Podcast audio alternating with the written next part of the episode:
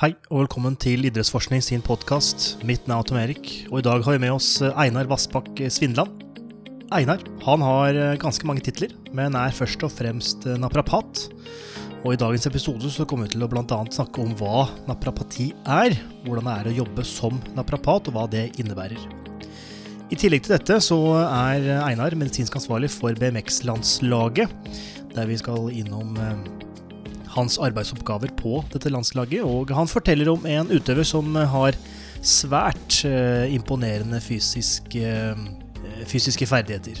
For å sette utøveren Einar snakker om sine fysiske ferdigheter i litt perspektiv, så kunne han faktisk konkurrert i vektløftnings-NM. Så sterk er han. Og med det så ønsker jeg deg en god lytting. Velkommen, Einar Svinland, til vår podkast. Hjertelig takk. Det er jeg som skal takke som får lov til å komme på denne podkasten. Jo, jo, takk, takk, takk i like måte, opp å si. Um, du befinner deg i Oslo, kanskje, eller bor du et annet sted? Jeg bor i Kristiansand, så nå er jeg i Kristiansand. Vi har relativt bra sommervær, litt over skya, men jeg nyter solkysten til det fulle har et par dager i uka hvor jeg er hjemme med en liten en, så har vært heldig med været nå under permisjonstilværelse. Jeg syns at Kristiansand alltid har bra vær. Alltid sol når jeg der, har vært der tidligere. Så det er et av de stedene som jeg misunner når det kommer til vær. Så det jeg ble, jeg ble lovt det når vi skulle flytte hit òg, så jeg ble lovt sol og sommer hele året. Så det har nesten innfridd. Jeg har hatt noen sykkelturer til jobb som er relativt fuktige, som jeg vant med fra Sandnes, men det har vært overraskende bra vær, så jeg er godt fornøyd. det er godt å høre. Du Einar, du er naprapat, og du har nå flere titler etter det jeg har søkt etter, men det kan du komme litt tilbake til etterpå. Mm. Og ja, i tradisjonstro så ønsker vi å bli litt kjent med vår gjest. Så hvis du kan ta oss litt gjennom hvem du er, i form av utdanning og jobb. Ja.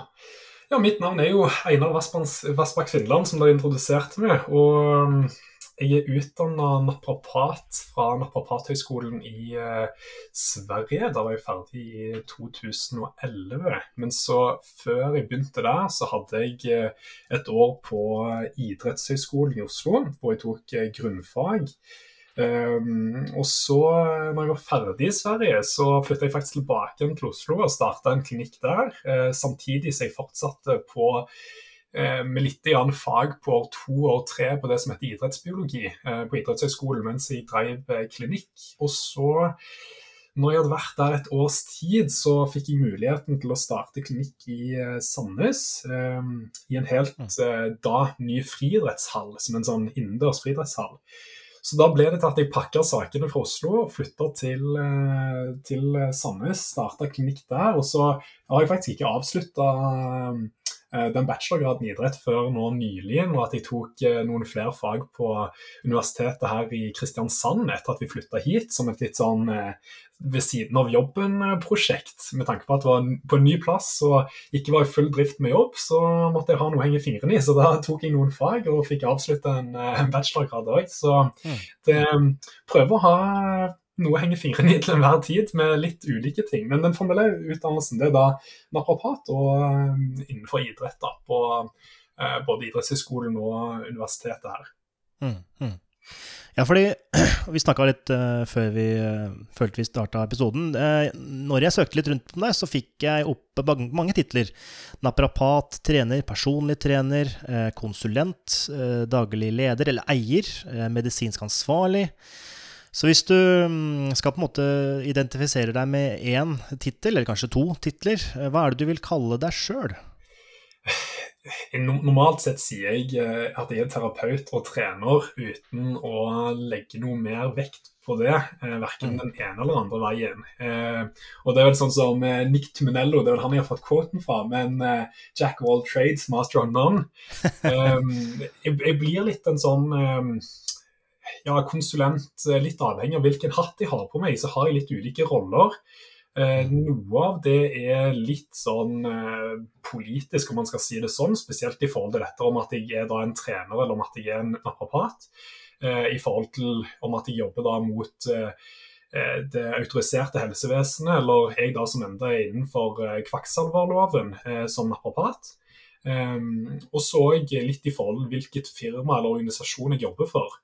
Eh, for helt siden jeg starta min, eh, min egentlig på en måte arbeidskarriere, så har jeg drevet selvstendig. Helt fra jeg var i Sverige og var student, så har jeg hatt eget firma. Og, og, som naprapat i Sverige så har man en litt annen eh, særstilling, siden vi er legitimert der borte. Og der borte så er det veldig vanlig at naprapater jobber tett opp mot idrett. Eh, det er de som ofte er tilknytta olympiske komité og landslag osv. Um, så i Sverige så, så, hadde man en litt annen posisjon, mens når jeg kom da til Norge, så har jeg selvfølgelig da eh, en må jeg på en måte begrense meg da litt i forhold til at vi har eh, litt andre regler innenfor helsevesenet. Noe som mm. eh, Noen fordeler og noen ulemper, selvfølgelig. Så da, da må jeg bare være spesifikk på hvilken hatt jeg har på meg når jeg jobber med de ulike organisasjonene. Mm. Stemmer, stemmer. Matthew, you have a question? Yeah. Um... I had never heard of a naprapat or naprapathy until we started doing Idrettsforskning. We had a couple of followers on Instagram about title, and I was like, okay, what is this? So I'd never heard of it in the UK before. So I suppose my first question is, what actually is it? Hva er en naprapat? Um, jeg pleier ofte å si at det handler mye om filosofi. og Det er derfor jeg også bruker av og til ordet terapeut eh, istedenfor å si naprapat. Men mm. naprapat, eh, kort fortalt, så er jo det en eh, manuellmedisiner. Vi jobber med muskel- og skjelettlidelser. og eh, Det var jo en avsporing fra den tidlige kiropraktikken i USA. Eh, etter et mm. år eh, så ble det starta en, en egen gruppering, da, og de kalte seg for naprapater. Um, vi er jo en stor yrkesgruppe både i Norge og Sverige, men utdannelsen som uh, foregår da i Stockholm, uh, hvor det er fire, fire, år, da, en fireårs utdannelse, og så er det um, et opptak hvert andre år er det vel, hvor det er en sånn uh, V-klasse, at det er både oppstart med sommer og til jul. Eh, hvert år tror jeg det utdannes rundt 25 naprapater. og Jeg har ikke helt oversikt nå hvor mange naprapater som finnes i Norge per dags dato, men det er relativt mange.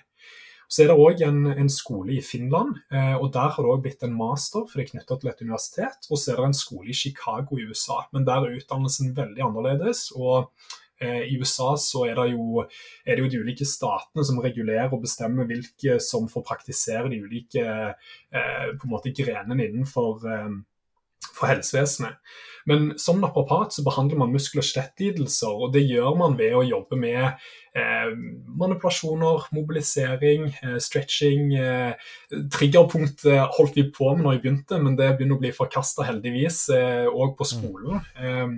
men òg veldig mye retta mot aktivitet og trening. Eh, så det er vel eh, mange som sier at det er en blanding av en eh, fysioterapeut og en kiropraktor, og på mange måter kan man si det. Det er sikkert noen av mine kolleger som mener at jeg er litt for lite tro mot yrkestittelen min, men, men, det er en fin kombinasjon å si det. I respekt til fysioterapeutene så skal jeg si det at naprapatene jobber jo veldig lite med sykdommer. Altså vi har jo Vår utdannelse er jo retta mot eh, hva skal man si, de, de vanlige muskel- og skjelettlidelsene til mennesker som ikke har bakomliggende årsak, oftest. Eh, mm. mens hvor man på en fysioutdannelse kanskje har litt mer innenfor eh, kols-rehabilitering, eh, man har litt mer kanskje innenfor barnesykdom osv., hvor man kan knytte seg opp mot et sykehus, mens vi naprapater jobber eh, med litt mer eh, eh, den vonde ryggen og vonde nakken og rehab av skuldre og knær. Eh, mange vil kanskje si litt lettere kunder, fordi at vi ikke er inne på de mer komplekse pasientgruppene. I hvert fall ikke i Norge, og det har mye med autorisasjon og, og, hvem som på en måte kommer til en privatpraktiserende. Mm, riktig. Og skal jeg jo bare skyte inn det at i Grunnen til at jeg sier innledningsvis at det har litt med filosofi det tror jeg har litt med denne eh, stoltheten som, som veldig mange har til tittelen sin. Um, For det er jo sånn, Vi bruker jo veldig mye av den samme litteraturen. altså Kaltenborn innenfor eh, mobilisering, og man har Syriaks på manipulasjon. og Dette er jo litteratur som både kiropraktorer, osteopater, og fysioterapeuter og manuellterapeuter bruker. og Vi har jo inne forelesere som er fysioterapeuter, vi har forelesere som er kiropraktorer. Vi har alle de medisinske fagene har vi fra Karolinska instituttet. Um, så jeg tror utdannelsen er litt annerledes enn det kanskje hvermannsen har forstått. For det er jo en veldig eh, gjennomgående utdannelse med, med, et ordentlig innhold, hvis man skal si det sånn. da, og eh, det er jo, Jeg husker vår studierektor sa til oss den første dagen når vi begynte på skolen, så sa han det at eh, det viktigste dere gjør som terapeuter, er å gjøre den jobben du gjør selv, så godt du kan. Ikke snakk ned noen andre, verken yrkesgrupper eller andre terapeuter, men gjør det du gjør så godt du kan, så kommer det til å gå bra.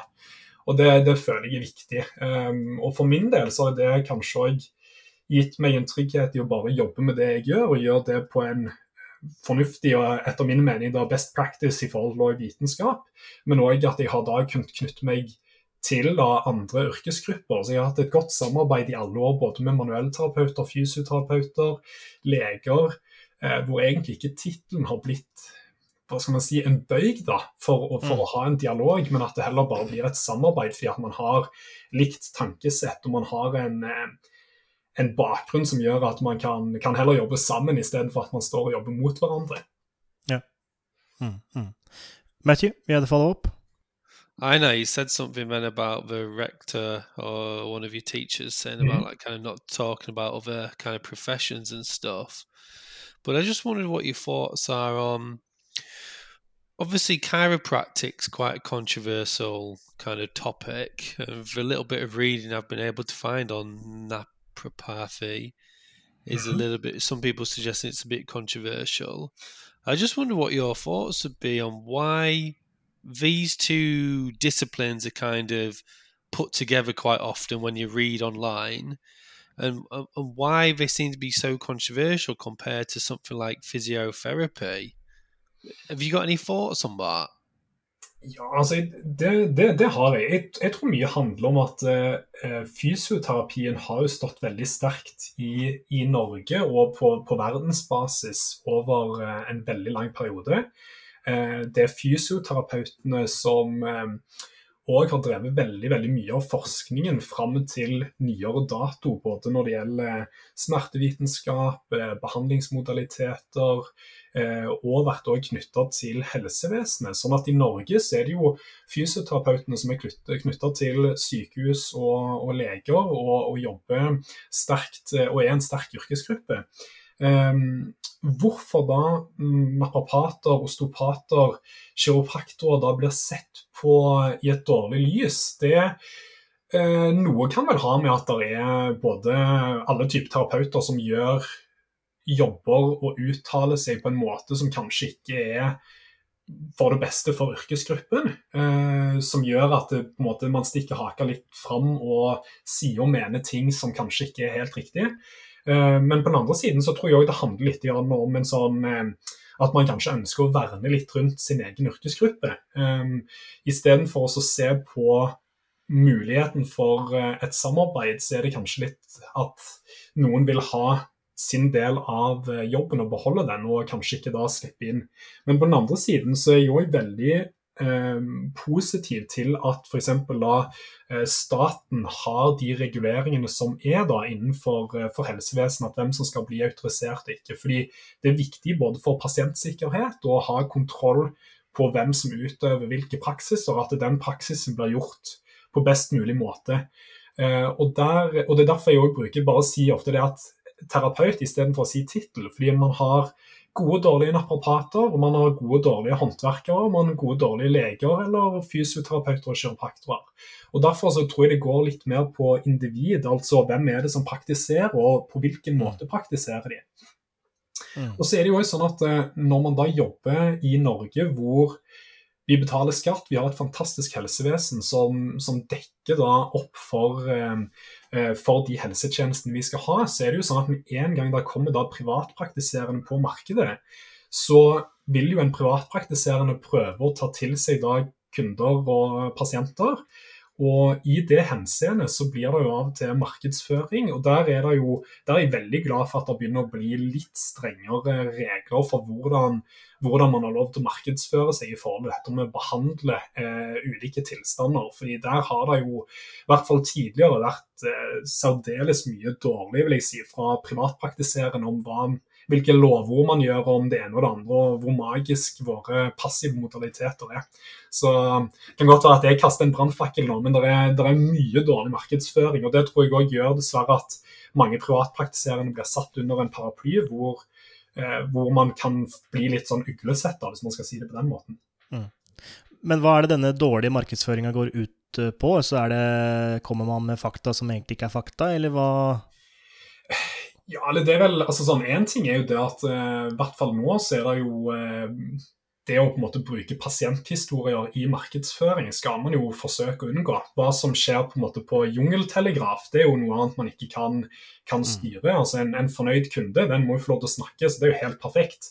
Mm. Men det er jo noen ganger hvor det blir eh, gjort lovnader om at eh, man fikser det ene, ene, og det andre med en justering av uh, nakke, eller man eh, gjør en atlasjustering, eller man knekker korsryggen og setter noen nåler og bruker noe teip, og at man mm. får noen resultater som eh, hvert fall ikke bedre enn eh, eventuelt å la naturalforløp eh, få hjelpe til, eller eh, god informasjon og trening.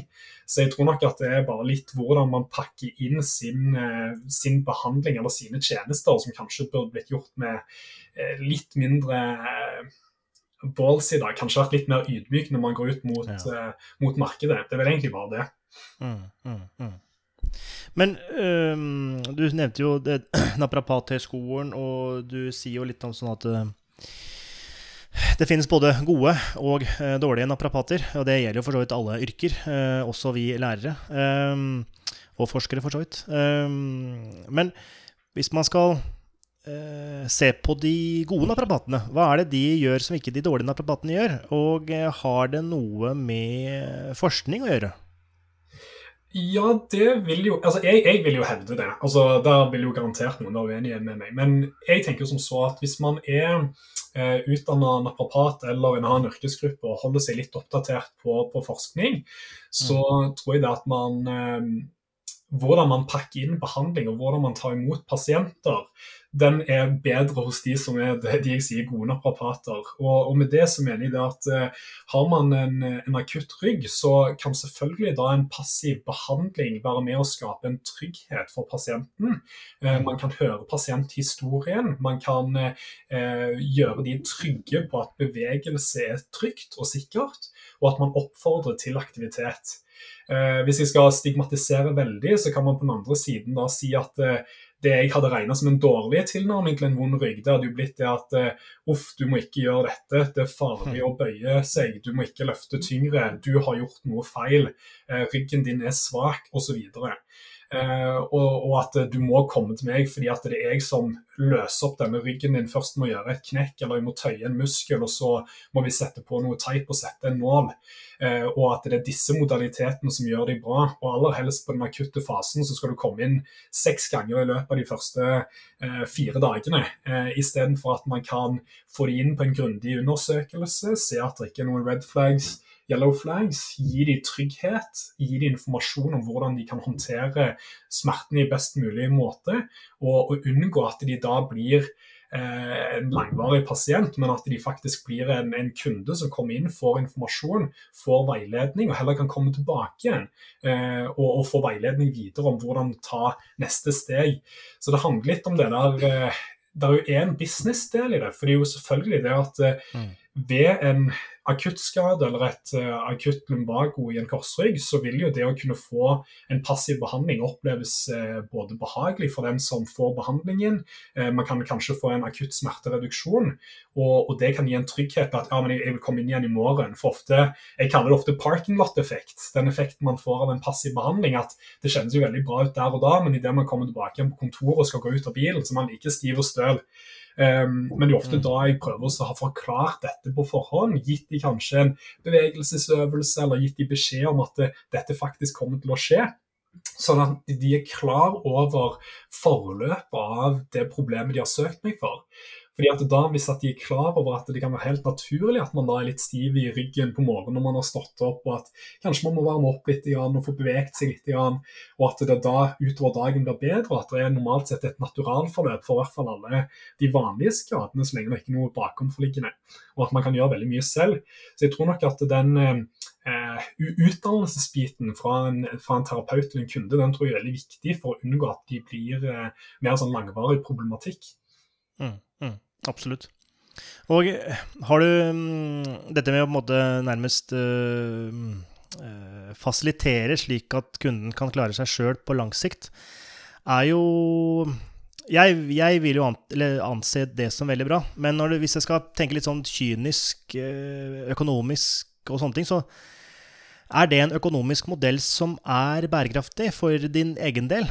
Fordi du vil jo til slutt det er veldig fint at folk blir friske og kan holde seg friske sjøl. Eh, det er veldig, veldig, det er det perfekte. Uh, men da mister jo du dine kunder. Eller er det sånn at du, ja, men da går jungeltelegrafen at ja, men Einar han fiksa meg og fikk meg opp på beina, og nå klarer jeg å trene sjøl, og som avler flere kunder.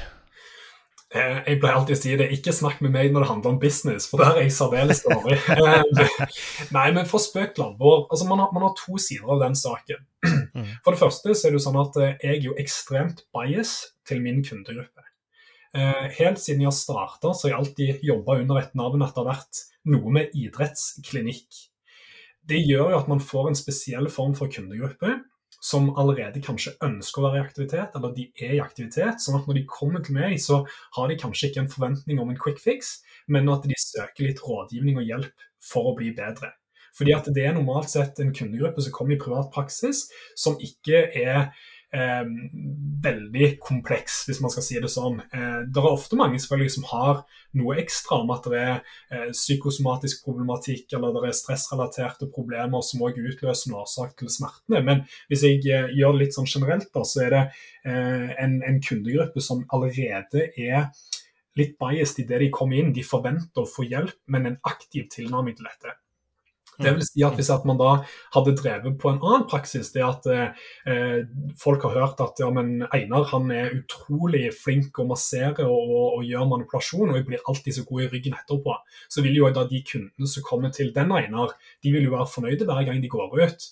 Og Det tror mm. jeg eh, bank i bordet alle terapeuter er veldig flinke på. fordi at vi har jo ofte ganske mye tid. Vi har jo normalt sett halvtime eller timer med våre pasienter og kunder.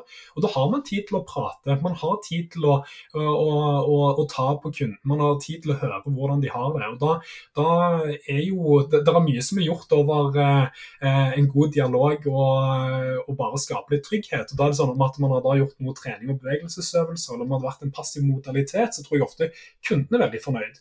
Men businessmessig så er det jo sånn at eh, der og da, når at jeg da gir verktøykassen, eh, at jeg følger opp den til kunden sånn at de kan klare seg på egen hånd, så har jeg jo ikke noen sånn rask inntjening. Men det som er interessant, nå har jeg jo praktisert i snart ti år, eller det er vel ti år i år. Mm. Og nå faktisk sist uke så hadde jeg en som sendte mail til eh, firmamailen og spurte om vi enda praktiserte, fordi han hadde vært hos meg, og det var da to måneder etter at jeg starta, og han lurte på om han kunne få hjelp med et kne fordi han hadde blitt bra i skulderen etter engangskonsultasjon første gangen.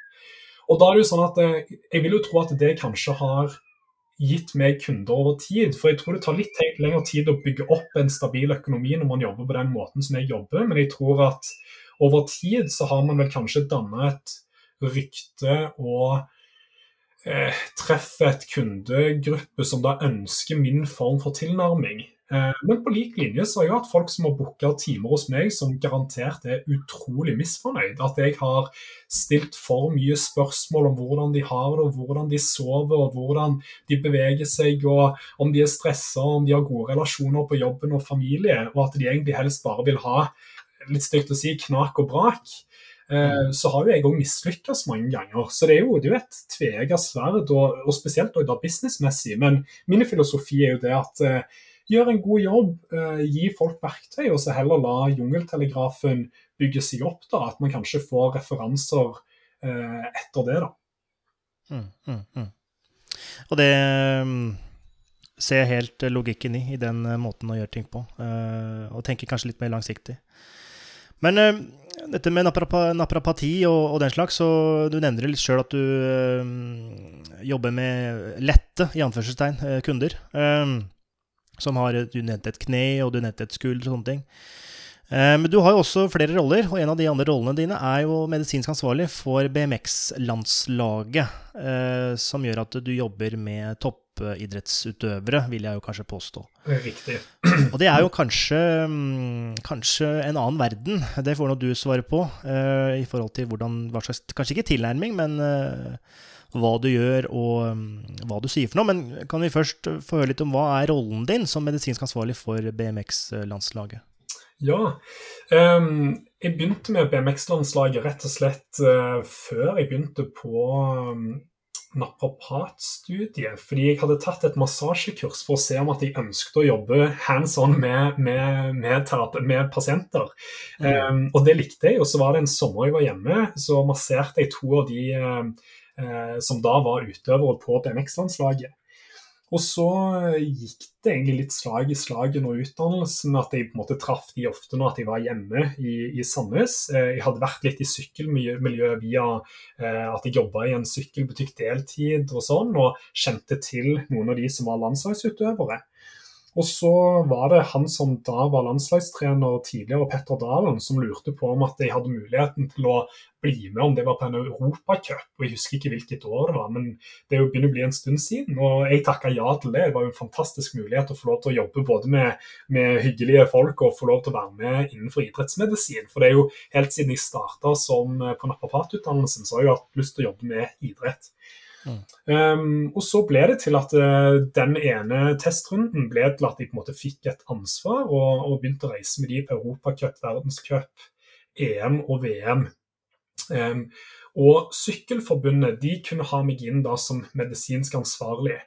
Uh, og så er det jo det at uh, BMX er jo òg en OL-gren. Uh, og vi har hatt en utøver i Rio, Tore Navrestad, og han er òg nå kvalifisert til Tokyo. Um, kult. Men da òg ja, det er utrolig kult, og han, han har jeg fått følge lenge. Uh, så, så, det Han er egentlig en egen, egen case i seg sjøl man kunne snakket om. Det er ekstremt imponerende det han har gjort.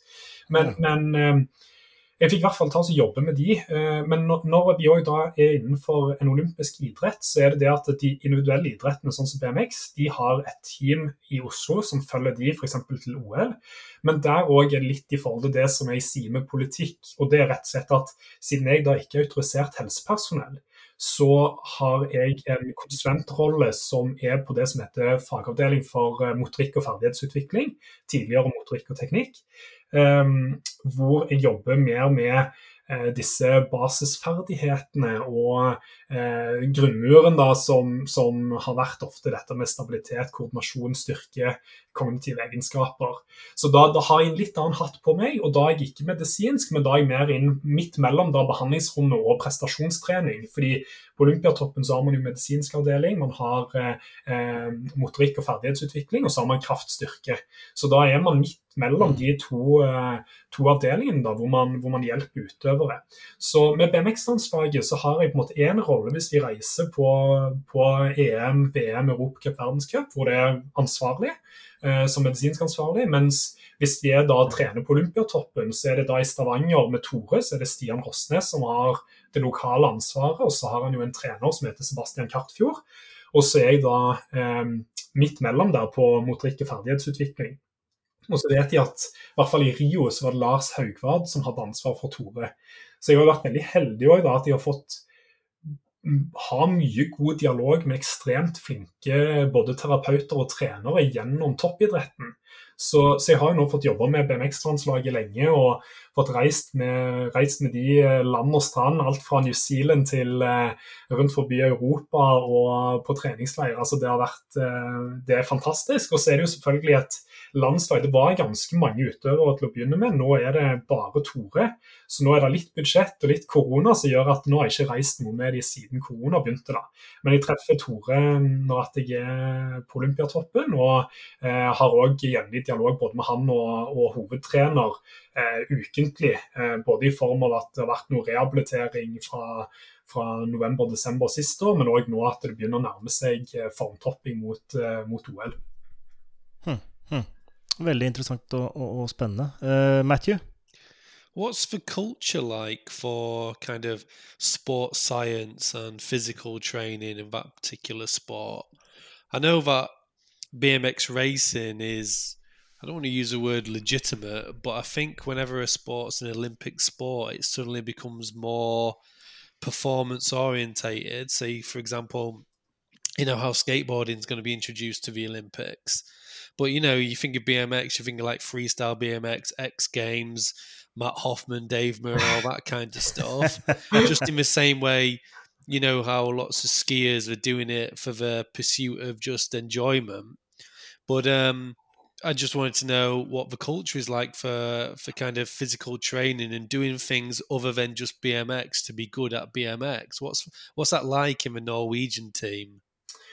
Ja, eh, det er veldig viktig eller bra at du tar opp eh, forskjellen mellom freestyle BMX eh, og BMX racing, som er den grenen som nå er i OL, og som jeg jobber med. For det er to, mm. to vidt forskjellige kulturer og um, ulike måter å se på trening.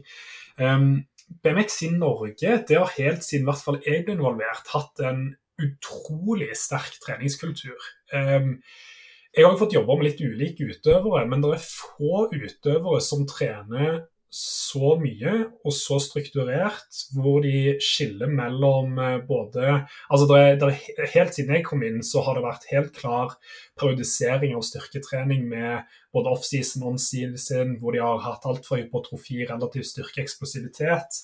Hvor det har vært inne basistrening, eh, hvor de har spesifikke startøkter, sprintøkter både i nedoverbakke og oppoverbakke, hvor man bruker forskning og, eh, og, teknologi til å finne ut om man forbedrer seg. Alt fra at man bruker fotoceller for å se eh, hurtighet ned bakken i starten, til man måler tid på sprinter.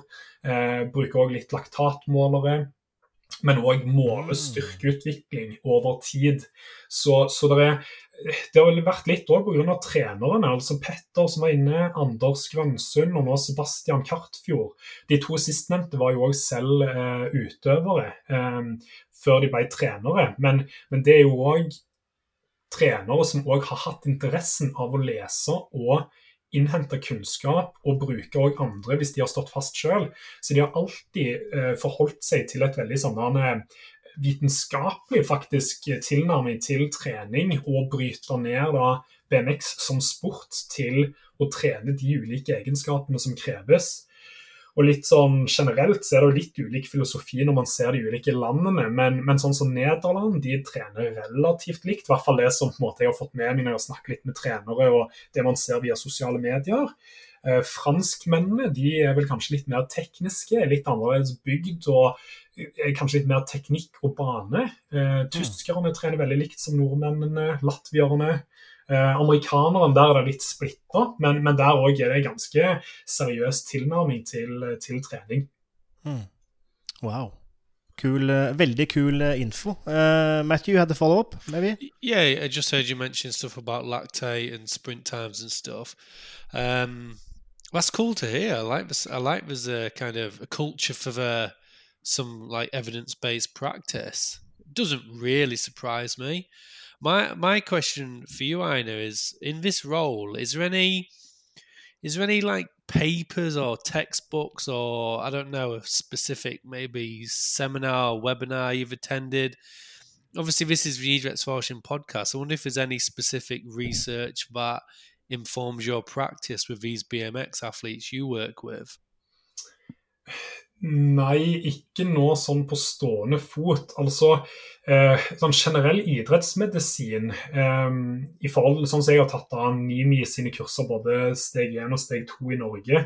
Eh, og vi hadde idrettsmedisin på skolen, og jeg har tatt Fifa sitt, eh, eh, sitt idrettsmedisinkurs. Men det som er i forhold til BMX, så er det jo sånn at de skadene som skjer akutt på banen, da er det et eget medisinsk team. Ehm, så hvis utøveren krasjer, så er det et medisinsk team på banen som følger all Europacup og verdenscup, som er spesialisten der innenfor de mm. form for skadene.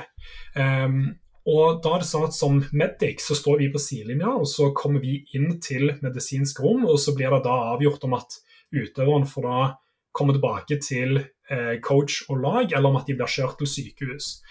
Og Hvis man blir kjørt til sykehus, så er det jo da sykehuset lokalt som gjør sine undersøkelser. Så Jeg har vært på litt sykehus rundt forbi Europa hvor det har blitt sjekka for brudd osv. For ofte så er jo skadene da enten så er det skrubbsår, som i min verden hadde blitt eh, Jeg hadde gått og ynka meg og syntes veldig synd meg sjøl med de store skrubbsårene.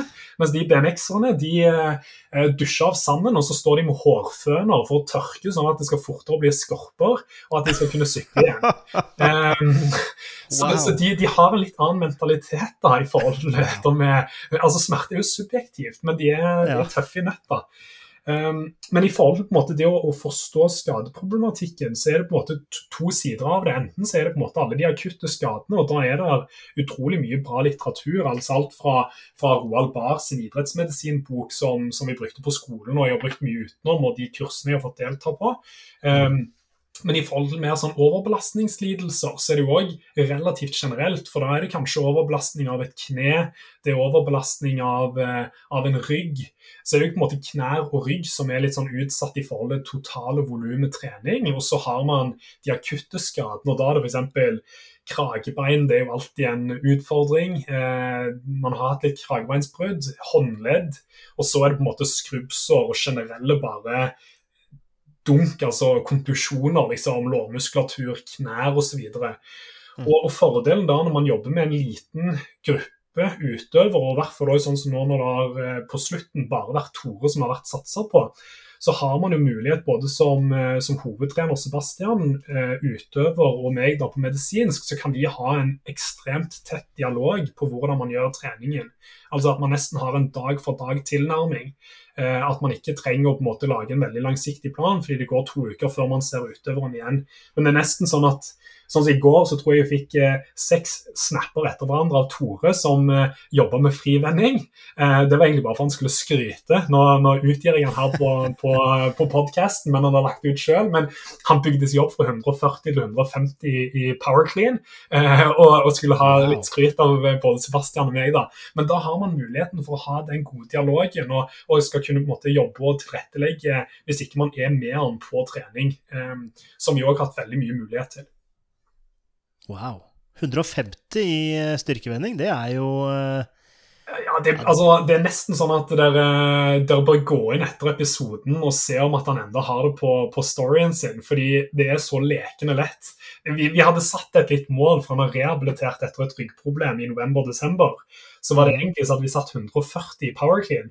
Eh, men det tok han jo nå for noen uker siden, og så satt de 145. Men det gjorde han jo òg, og så satt de 150. Men, men, nå tror jeg det har blitt oppjustert til 155. Wow. Men, men han er utrolig sterk. Ja, det Jeg, jeg så ikke for meg at en BMX-utøver var så sterk, men det, det er så Spensten han så, det, jeg vet ikke om at uh, han meg bekjent så er det ingen som har uh, målt høyere enn en Tore eh, på Olympiatoppen, verken i Oslo eller, eller, lokalt. Og han har jo 72 cm på Bosko-matte. Å, helvete. Ja, ja wow. det, er, det, er, helt ekstremt. Så han er, han er, gjennomtrent. Og jeg vet at uh, Gøran Paulsen, som var kraftstyrkeansvarlig på Olympiatoppen tidligere, nå har han jo mer rolle på, på NIH, jeg tror han alltid syntes det var litt spennende å ha Tore inne på, på testing. fordi han har en enorm eksplosivitet og en maksimal kraft, men, men han har òg en sånn submaksimal styrke som er litt sånn fascinerende. Men det er òg litt naturen til idretten. at de må ha en mm. utrolig eksplosiv start for å komme seg raskt ut av gaten og komme seg ned bakken. Så er det, eh, i hvert fall på det når de kjører eh, de store banene, så er det et stort hopp, og så handler det om å komme først inn i første sving. Men både pedalfrekvensen og kraften de må ha i tråkket idet de på en måte kan generere mer fart, eh, det gjør òg at de jobber mellom 40, er det 43 til Jeg tror den lengste banen de kjører, 51 sekunder. Så man kan nesten tenke at det er liksom en 400 meter all out, og så er det 15 minutter hvile, og så kjører de da først fire innledende runder, og så avhengig om du kommer videre, så er det jo semifinaler og kvarter og finale. Så det er jo ekstrem belastning på bare én racedag. Og så mm. kjører de da to dager etter hverandre. Så, så det, det er veldig, veldig fascinerende idrett med tanke på hvilke fysiske egenskaper som de blir utsatt for. da.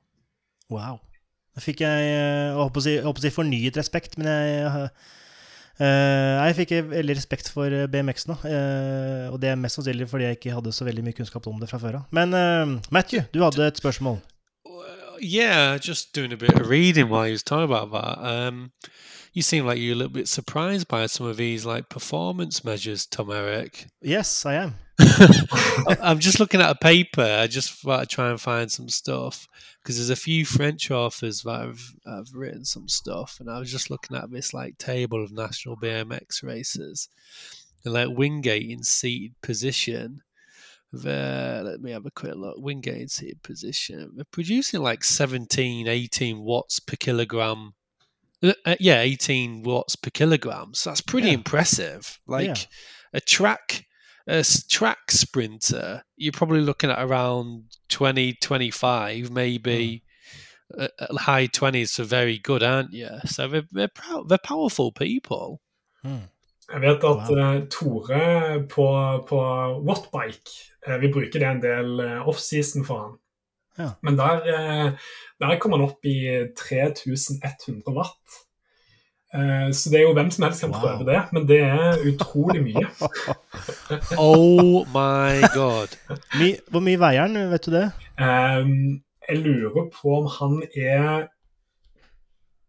84 Han er normalt sett mellom 82 og 84 uh, når han, når han kjører, kjører løp. Og han er veldig stabil på vekten egentlig gjennom hele året. Men en liten fun fact. Vi kom hjem fra en verdenscuprunde. Og så på, på Oslo flyplass så sto der en, en eh, racesykkel som var festa til en, en mølle. Og så var det konkurranse, det var på taxfree-en. At den som klarte å produsere mest watt, den en- den fikk en tur til, til Tour de France og finalen eh, på Tour de France. Og der kommer Tore på flats og produserer 2000 watt på en takstmølle. Så mølla ble ødelagt, og sykkelen vrei seg fordi sykkelen var ikke sterk nok. Men Tore vant konkurransen og kunne ta med seg eh, sin eh, kjæreste på tur til Frankrike og se, se en etappe i Tour de France Wow. etter å ha ødelagt en sykkel og vunnet en konkurranse. Så, så det er ganske, det er ganske, bra trekk.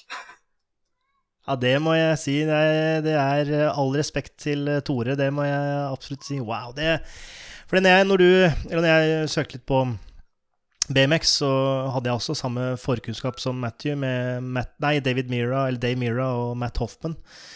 Og dette er jo mer en sånn triksing og mm. 360 og den slags. Men så måtte jeg google litt da, hva BMX egentlig står for, og det er bicycle motocross. eh, og eh, klassisk motocross, nei, beklager, klassisk BMX er jo det du snir. eh, Altså disse rundene med humper og dumper og, og, og, og den slags som vi mest sannsynlig har sett på TV en eller annen gang. Um, men um, veldig, veldig imponerende. Wow. Det er Did you say three? You said three thousand watts.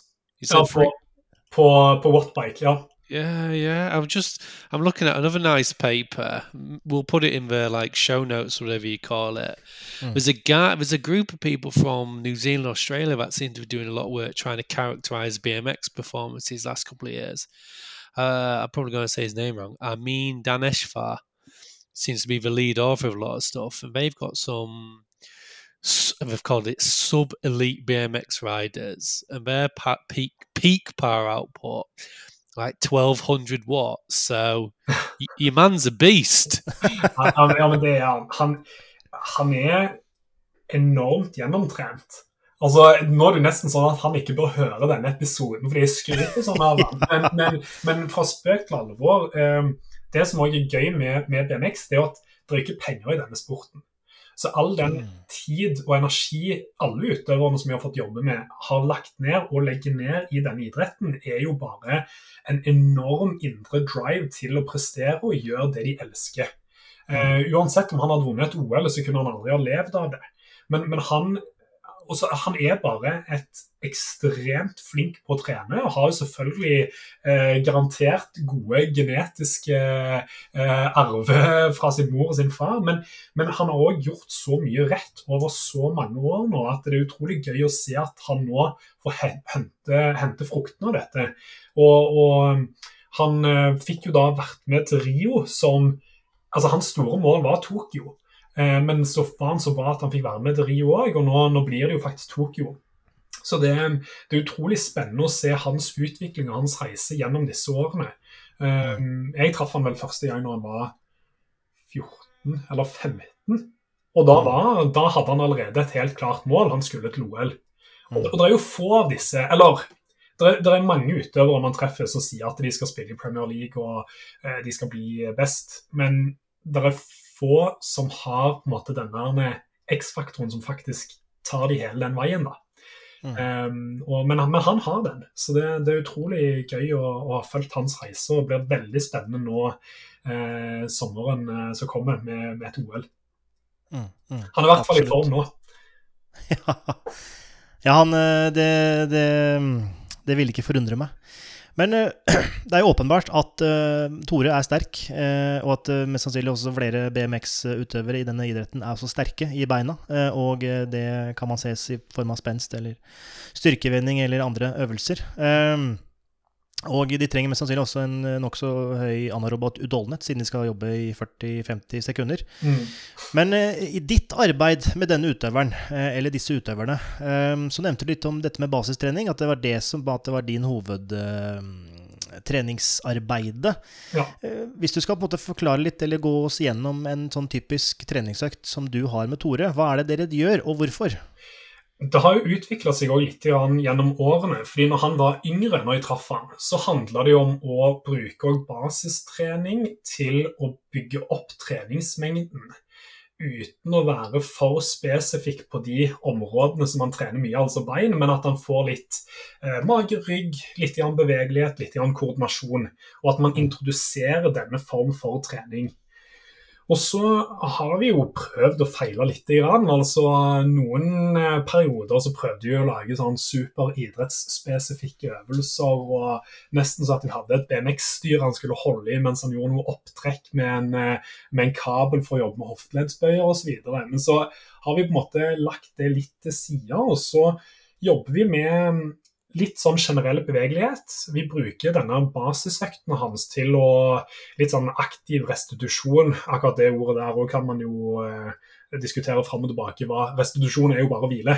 Eh, men at han har liksom litt økter som gir han treningsminutter og timer, men at de kanskje er litt mindre belastende. Men hvor vi jobber da med mage-rygg-stabilitet, fot, kne, hofte. Kanskje gjør en eh, jeg prøver å illustrere eller forklare, men han sitter på rumpa, gjør en nesten bakoverrull hvor føttene kommer bak hodet, ruller fram og så går opp i en enbeins knebøy. Og så går han ned igjen i en enbeins knebøy, gjør en ny rull hvor han får jobbet litt med ryggbevegelighet. Han får jobbet litt med orientering i rommet, altså fra å rulle bakover, rulle fram og så gå rett opp i en enfotsknebøy. Og da har man på en måte stabilitet fot, kne, hofteledd, som potensielt sett vi ønsker å ha kanskje en overføringsverdi med at han har et bedre på en måte balanse på pedalen, og da etter hvert kan bruke kraften sin rett ned i pedalen og utvikle kraft og få fart på sykkelen.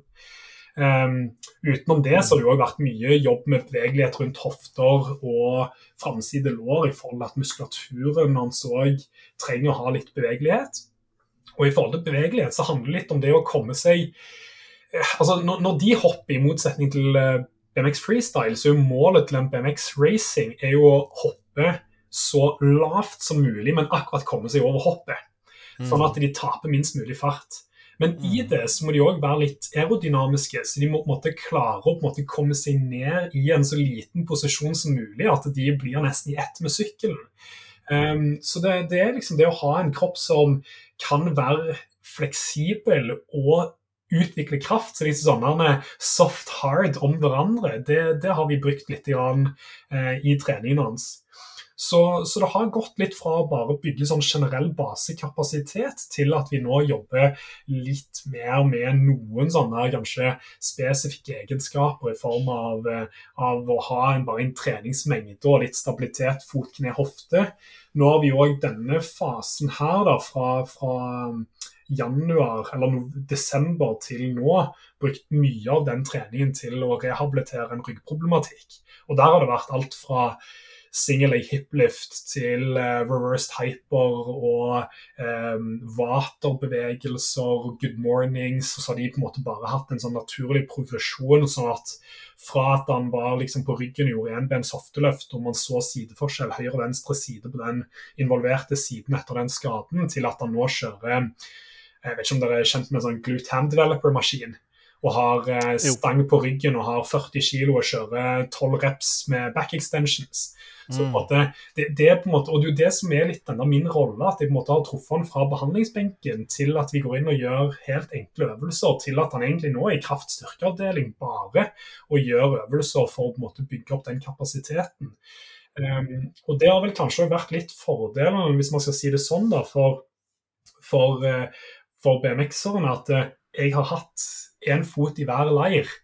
Så når de har på en måte kanskje hatt både lite økonomi og et mindre støtteapparat, så har jeg sammen med treneren kunnet fasilitere noen av de rollene som treneren i idretten selv ikke har klart å gjøre, men at vi har klart å skape en sånn bridging the gap in between. altså At man har klart å ha en sånn litt sånn rød, sømløs tråd mellom de ulike gruppene. At det ikke bare blir sånn ja, men nå er du på medisinsk, eller nå er du på eh, eh kraftstyrke, og nå er du på, på idrettsspesifikk. Men at vi har klart å ha en sånn flytende, fin eh, dynamikk der. Og det er vel mm.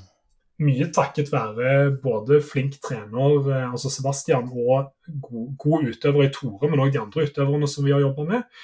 Eh, og at eh, de har vært lydhøre og interessert i at man har en helt sånn åpen, fin dialog rundt det. Mm, mm, mm. Det høres veldig fornuftig ut, og denne helhetlige tankegangen er nok øh, veien å gå. Og som du sier, det å tenke, disse, ja, tenke sånn båsbasert, at ja, jeg driver med mitt, og så får du drive med ditt, det funker sjelden, tror jeg.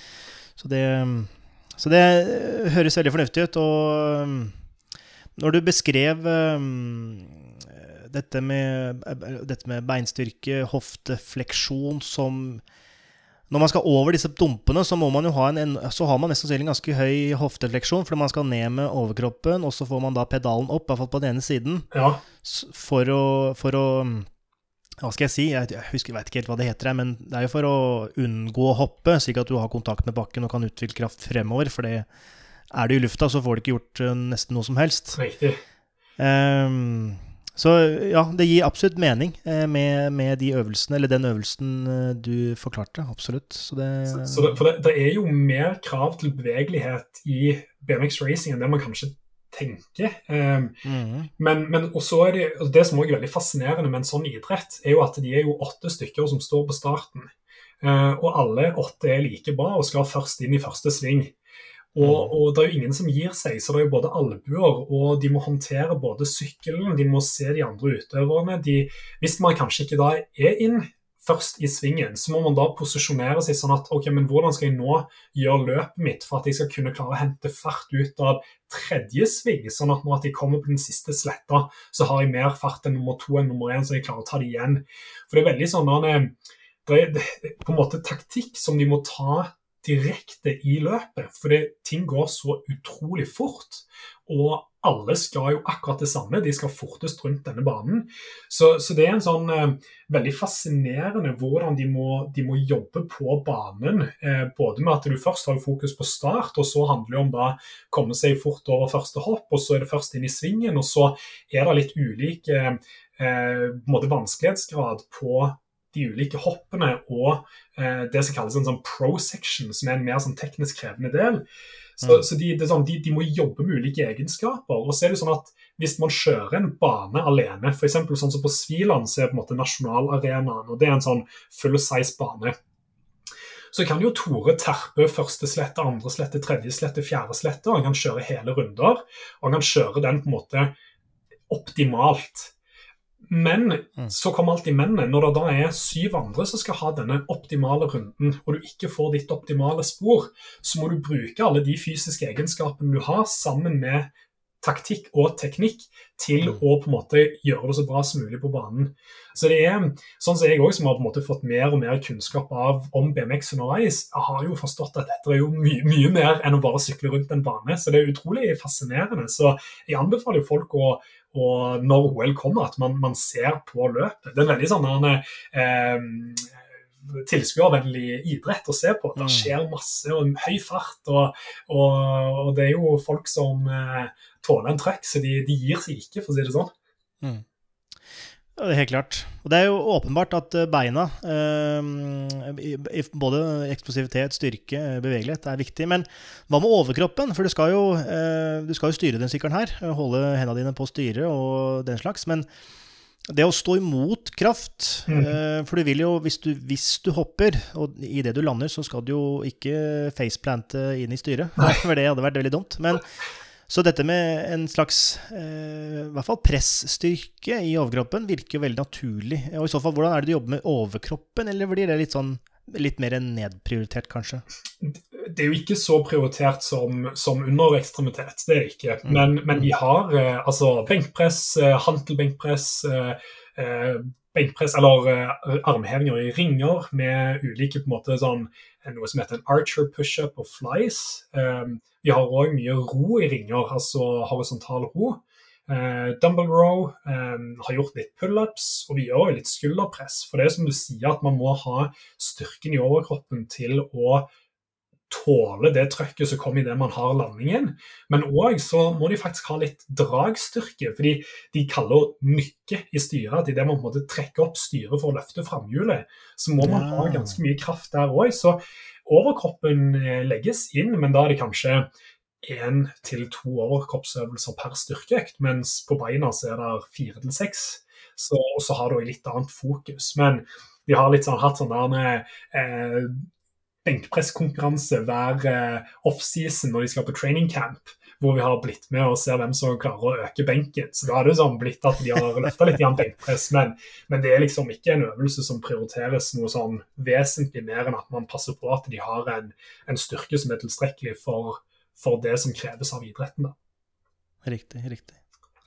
Det er veldig, veldig interessant. Uh, veldig interessant. Uh, og um, stort sett da, når, har gjestene, har, når vi har disse gjestene og disse episodene med ulike idretter, så blir jeg alltid eh, overraska over hvor mye som kreves av utøveren i den spesifikke idretten. Eh, så det er jo Og også eh, kunnskapen til treneren, relasjonen med trener-utøver. At det er eh, jeg føler at nesten hele, om det er Trenings-Norge eller treningsverdenen, utøververdenen, den har blitt Det er kanskje anekdotisk, men blitt mer helhetlig. Altså, man, man har gått vekk fra dette båstankegangen til å tenke helhetlig, samarbeid, kommunikasjon.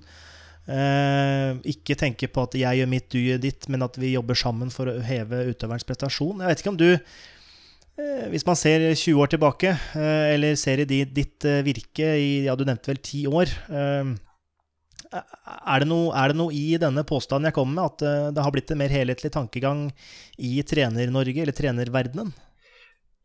Mitt inntrykk er, er, følgende. Ja, absolutt. Jeg syns at det har begynt å bli et uh, fint, helhetslig tanke, tankesett rundt det. Um, jeg har vært veldig heldig òg, tror jeg, og fått jobbe med andre da, terapeuter, trenere og utøvere som har hatt litt samme tankesett.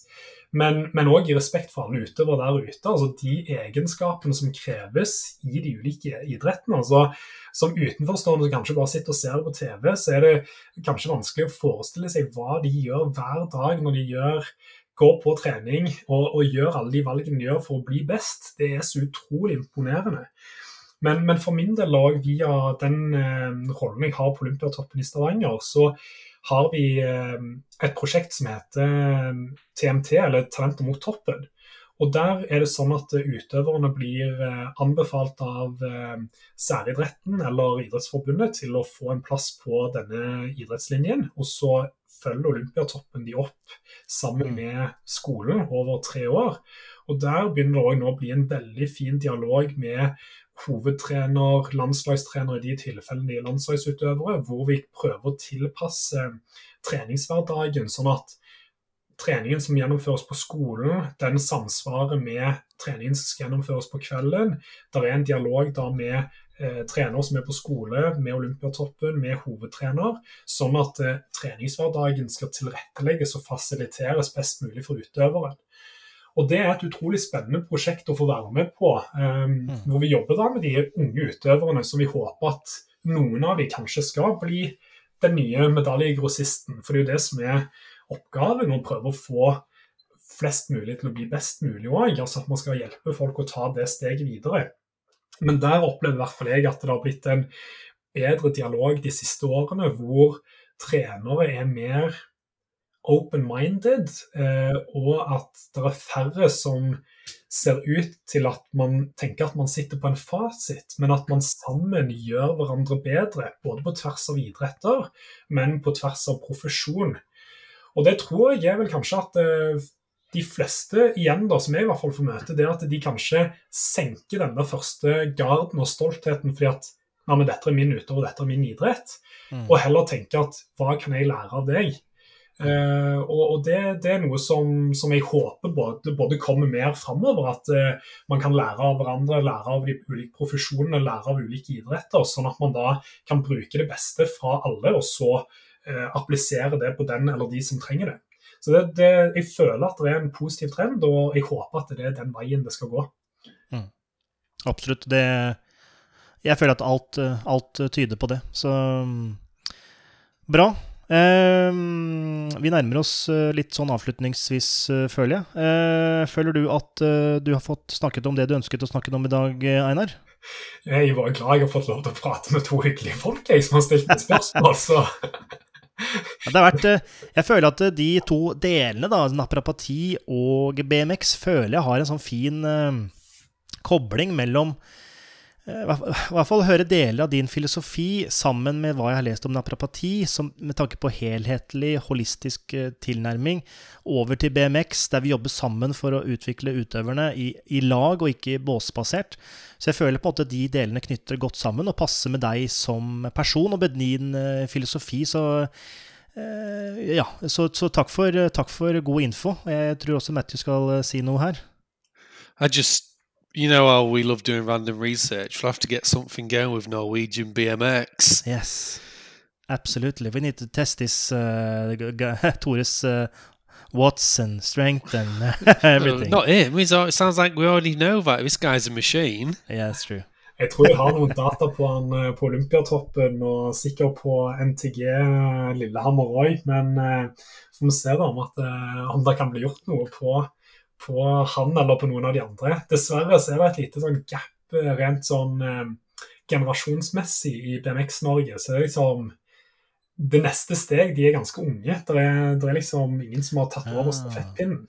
Tore var nok òg litt sånn heldig at eh, han hadde en gruppe foran seg som var utrolig flinke og treningsvillige, som, som han kunne se opp til. Og det var en større gruppe mennesker som trente mye.